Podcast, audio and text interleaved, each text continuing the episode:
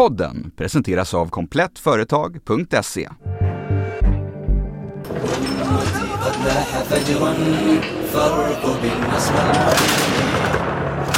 A state that has been established by a hardline Sunni jihadist group that emerged out of the mayhem of the Syrian civil war. Ericsson tros ha mutat terrorsekten IS i Irak för att kunna göra affärer i landet. Bolaget har nu polisanmälts för medhjälp till brott mot mänskligheten. Man stödjer IS med stora belopp och det visar att man är likgiltig. Det viktigaste det är att göra affärerna. Och det här är inte första gången. Det avslöjas att Ericsson haft tvivelaktiga affärer. Det här är ju en upprepning av det vi har sett tidigare. Ericsson har ju redan betalt sanktionsavgifter för systematisk korruption i, i fem olika länder. På en kvart får du veta varför historien upprepar sig och vad det är i företagskulturen som gör att mutkulturen inte stoppas. Det är måndag den 28 mars. Jag heter Alexandra Karlsson och det här är dagens story från Svenska Dagbladet.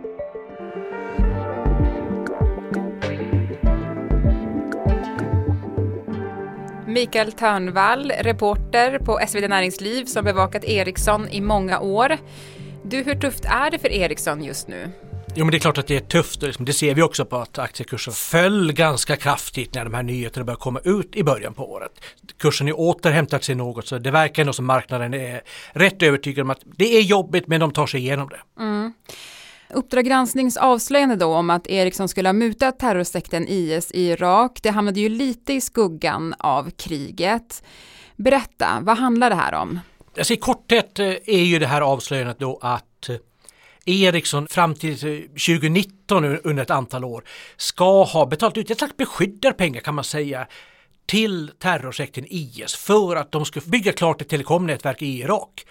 Och det var helt enkelt någon slags avgift för att icke-muslimer skulle få vara där och jobba, eller vad man nu kallar det för någonting. Men i praktiken var det ju mutor till IS för att de skulle kunna verka i Irak. Mm. Det är lite oklart exakt hur de utbetalades, om det var direkt från Ericsson eller om det var från en agent eller någon tredje part eller så vidare. Men det var ju pengar från Ericsson som uppenbarligen har hamnat hos IS. Och det är klart att för amerikanerna är det ju otroligt allvarligt att ett västerländskt bolag skickar pengar till IS. Mm. För alla är det kanske allvarligt.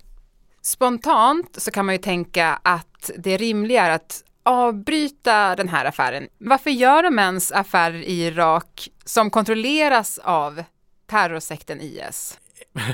Du, det är ju en jättebra fråga och det är väl det alla försöker förstå nu. Borde vi ha dragit oss ur en massa länder, typ Irak, men även en massa andra länder där mutor är en självklar del av affärskulturen. Telia gjorde ju den slutsatsen efter eh, krisen i Uzbekistan. De insåg att vi kan inte vara kvar i den här delen av Eurasien om vi inte betalar ut mutor, för mutor är en del av affärskulturen. Det kan vara så att Ericsson kommer till samma slutsats att vi måste bestämma oss. Vill vi vara kvar i de länder som är mest korrupta? Eller ska vi helt enkelt säga tack men nej tack, vi gör inte affärer här. Ja, Ericsson är i blåsväder igen. Den här gången misstänks företaget ha betalat mutor till IS-krigare i Irak för att kunna färdigställa byggandet av mobilnät i landet. Mitt under IS våldsamma försök att upprätta sitt kalifat. Hundratals master och antenner ska upp. I det som IS nu kallar kalifatet. Och det här är som sagt inte första gången. Ericsson har erkänt sig skyldig till korruptionsbrott som pågått i åratal i fem länder för att stärka sitt grepp om telekommunikationsmarknaden. 2019 tvingas Ericsson böta en miljard dollar till amerikanska justitiedepartementet, DOJ, efter att det framkommit att företaget använt mutor i sina affärer i Djibouti, Kina, Vietnam, Indonesien och Kuwait under åren 2000 till 2016. Bötesbeloppet var då det högsta som ett svenskt företag fått betala i samband med misstänkta korruptionsbrott. Förutom böter gick Ericsson också med på att under tre år ha en övervakare från DOJ som skulle granska företagets arbete för att förebygga mutor. Det här är ju ett svenskt företag som eh, har begått brott i Asien och Afrika. Varför är det amerikanska justitiedepartementet inblandade? Det är också en sån här fråga som ganska många europeiska bolag undrar. Hur sjutton kan det komma sig att de kan döma ut böter för vad som händer här. Eh, och det beror på ungefär att ja, de tycker att de har rätt att göra det och de kan. Så de har bestämt sig för att bolag som på något sätt är verksamma i USA och det, gäller, det räcker egentligen med att ha ett litet lokalkontor i någon liten delstat någonstans. Då tycker de att de har rätt att åtala dig och döma ut böter helt enkelt. De har tagit på sig den rätten och ingen kan säga nej eftersom det är USA. Mm. I den här uppgörelsen så ingick ju förutom höga böter även att Ericsson skulle tvingas ha en slags granskare hos sig då under tre år som skulle följa arbetet eh, mot korruption.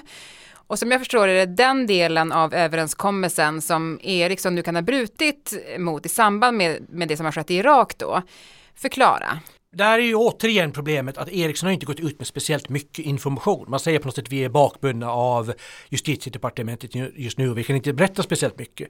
Men uppenbarligen är det så här att amerikanska DOJ anser att Ericsson har inte berättat tydligt nog att man kom på de här mutorna i Irak. Det var ju faktiskt via media som omvärlden fick veta om att den här utredningen ens pågick.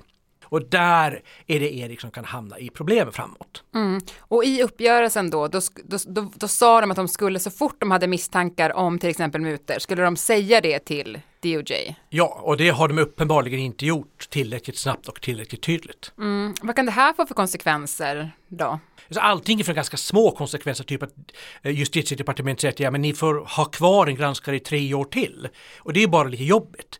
Men det kan ju också vara så att eh, de säger att ja, men nu har ni brutit mot uppgörelsen. Det innebär att vi kan börja öppna nya utredningar mot er, till exempel angående Irak. Och då kan det bli nya böter i miljardklassen. Mm. Men det kan också bli andra konsekvenser kanske? Ja, alltså om man tittar på börsreaktionen så är den otroligt dramatisk. Alltså mycket större börsvärden har ju gått förlorade än vad någonsin ett bötesbelopp från USA skulle kunna motivera. Eh, och det är ju delvis, eller till stor del beroende på att man är orolig för att det här skadar Ericssons rykte. Och det kan till och med bli så då att amerikanska myndigheter eller politiker, kongressen till exempel, bestämmer att europeiska företag som har en för stark koppling till IS så att säga, inte får göra affärer i USA. Och det sista Ericsson har råd med nu, det är ju förlora den amerikanska marknaden. Mm. Och det var därför som aktien eh, tappade så mycket. Det var väl typ runt 35 procent som, som mest. Det var inte bara det moraliska utan det var också de här rädsla för den här typen av konsekvenser. Nej, alltså aktiemarknaden bryr sig inte så himla mycket om moral alltid utan det är mer att om man tror att moralen kommer att kosta pengar. Och i det här fallet finns det ju en riktig risk att det får effekter på Ericssons möjlighet att göra affärer i USA. Hur stor den risken är, det är ju jättesvårt att säga. Och det är väl kanske därför också aktierna går och jojo upp och ner en del. Men du Micke, varför är Ericsson med om ännu en mutskandal? Återigen en bra fråga som är jättesvår att få svar på. Folk kliar sig verkligen i huvudet. Man ska ändå tänka på att det är ungefär 20 år sedan, drygt 20 år sedan, det blev förbjudet för svenska företag att betala mutor i utlandet. Så man har ju haft 20 år på sig att ställa om bolaget. Eh, men då får man ju backa tillbaka till 70, 80, 90-talet. Då var mutor en del av hur man gjorde affärer. Det var helt okej. Okay. Eh, fram till dess så var det till och med avdragsgillt för svenska företag. Du kunde alltså skriva upp i din deklaration, ja men alltså, så har vi betalt 20 miljoner i mutor i det här landet och 40 miljoner i mutor i det här landet och det drar vi av på skatten. Och sen sa myndigheterna, happ då gör ni det och sen var det inte mer med det. Sen då insåg man att liksom, det här håller inte. Vi kan inte fortsätta betala ut mutor i resten av världen om vi liksom ska påstå att vi håller en hög etisk standard. Eh, men uppenbarligen lever ju den här kulturen kvar och det har visat sig vara mycket svårare än folk trodde att tvätta bort den här kulturen. Mm. Men du har ju bevakat Ericsson eh, i väldigt många år. Alltså, är det en del av kulturen? Eller hur, hur ska man förstå det här ändå? Det, det, har ju helt klart tidigare varit en del av kulturen. Det vet jag, men jag har ju följt Ericsson länge och eh, för några år sedan när jag intervjuade höga chefer på Ericsson då uttryckte de sig ungefär så här att ja, man hade en agent, alltså en lokal representant i det här landet. Och så fick han en påse pengar och så ställde man inga frågor om hur de pengarna användes. Det hängde kvar att om vi vill kunna göra affärer i de här länderna då måste vi betala mutor oavsett vad svensk lag säger. Den stora frågan nu är väl vem som kommer hållas ansvarig för det här? Ja, och där finns det ju lite olika spår. Alltså det som komplicerar det hela är ju att Börje Ekholm som är VD då är otroligt populär bland ägarna för att han verkligen lyckats vända företaget. Så honom vill man egentligen inte sparka. Och Ericsson har en otroligt tung styrelse med kända namn som Jakob Wallenberg, eh, Industrivärdets VD Helena Stjärnholm. Det där är ju inte personer man petar bort bara sådär. Klockan är kvart över fem på eftermiddagen, tisdag den 22 mars. Aktieägarna börjar ringa in till krismötet där Börje Ekholm och de andra i Ericssons toppskikt ska förklara sig. Welcome and thank you everyone for dialing in to this call. De har en svår uppgift. Uh, the company has issued various statements over the past several weeks related to the 2019 investigation of wrongdoing in Iraq. Nu måste de övertyga aktieägarna att de har koll på läget. Och VD Börje Ekholm understryker att han gjort allt för att rätt information om mutskandalen skulle redovisas till DOJ. I will try to be as open as direct as possible about the Iraq investigation. But as you all know, because of the ongoing litigation, we are limited in what we can say. När han pratat klart är frågorna fortfarande många. Varför fick vi veta om det här via medierna? I mean, as shareholders, the information about the internal Iraq report came to us from media, more or less. Uh, Och finns det annat ni undanhåller från oss? Undrar upprörda aktieägare. Men svaren uteblir. We will share with you what we are able to at the appropriate time. Mot slutet av mötet hårdnar tonen. Erik Durhan från Nordea Funds undrar varför han ska ge styrelsen ansvarsfrihet på den kommande stämman när han inte fått några konkreta svar. I mean, when I look at this, I see great uncertainty. The only thing we actually know is that the DOJ thinks that something wrong has happened and that, that the DPA has been broken. Why should I approve the search of the board and the CEO given the huge uncertainty that we still have? Innan mötet avslutas vädjar styrelseordförande Ronny Leten till aktieägarna om att ge honom och de andra i styrelsen ansvarsfrihet. But further also I would like to draw the attention that the company's independent auditors have recommended that shareholders discharge liability and I urge and recommend that you do the same. And again, we, myself, management, the board are absolutely committed to re-earning your confidence regarding how we operate. Men vad är de då så oroliga för? Vad betyder egentligen ansvarsfrihet? Det innebär i princip att aktieägarna avsäger sig möjligheten att senare stämma styrelsen för fel som begåtts under året. Och det är ovanligt att inte bevilja ansvarsfrihet. Utöver det juridiska vore det ett enormt prestigemässigt bakslag för styrelsen. Journalister fick ju inte ställa frågor på det här mötet, men man fick ju lyssna och det gjorde du. Var det någonting du reagerade särskilt på?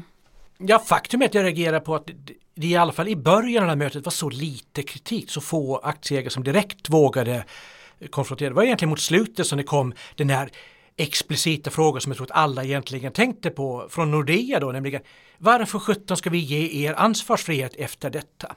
Det verkar ju ändå finnas en, en ilska hos aktieägarna. Alltså hur nervös är vd Börje Ekholm just nu? Han är nog både nervös och lite besviken tror jag, för han känner nog ändå att han har försökt. Han har gjort vad han kan, han har vänt bolaget och sen på något sätt är det här tacken jag får. Eh, när det gäller ägarna så tror jag att besvikelsen kanske inte gäller så mycket att det dyker upp ännu en mutaffär, för det hade det ju kunnat göra. Men snarare att de känner att de inte fått information. De känner att de har förts bakom ljuset och nu rasar kursen på grund av det. Och Det är snarare det de är upprörda över än att eh, det alls kunde förekomma tror jag. Mm. Och de verkar ju fortfarande sakna information. Ja, och där är det ju liksom lite en låsning att eh, aktieägarna skriker efter information och Ericsson säger att vi kan inte ge information därför att vi är bakbundna av justitiedepartementet. Mm. Frågan här är ju om eh, han ska få ansvarsfrihet på stämman som börjar imorgon. Ja, både han och både Börje Ekholm och styrelsen då. Mm. Men, men, men vad talar för att han kommer få det? Eller han och styrelsen då?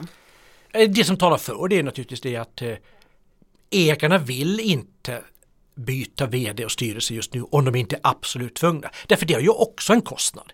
Ericsson har varit i djup kris men på precis på väg ut ur krisen. Eh, och då liksom att tappa styrfart när man är på väg ut ur en kris, det är ju jättedyrt.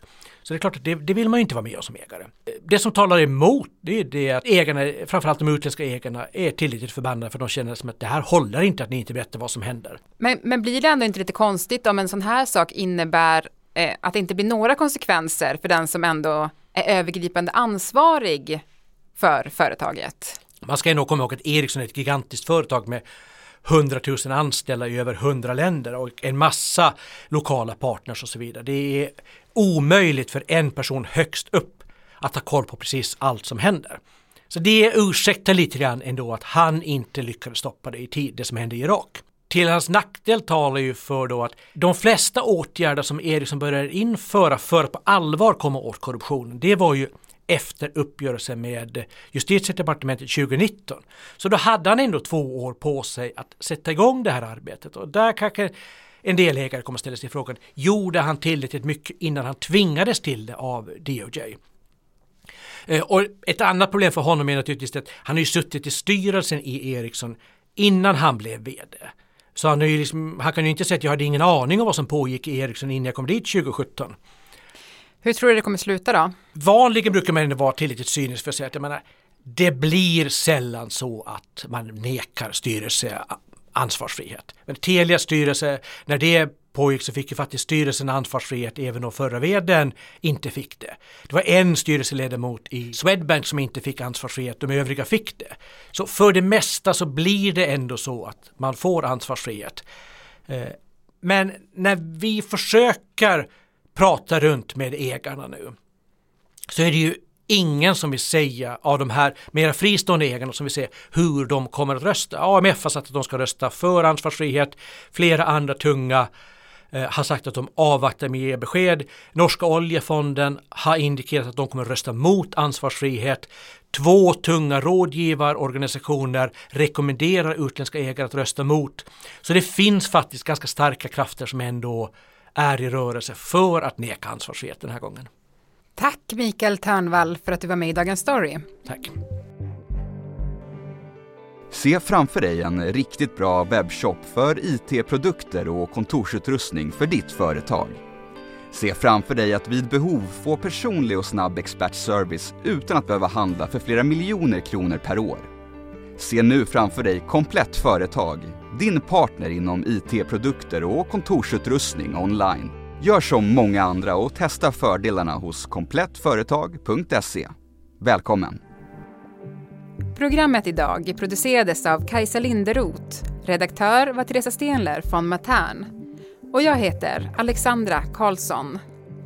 Vill du kontakta oss så mejla dagensstory.svd.se.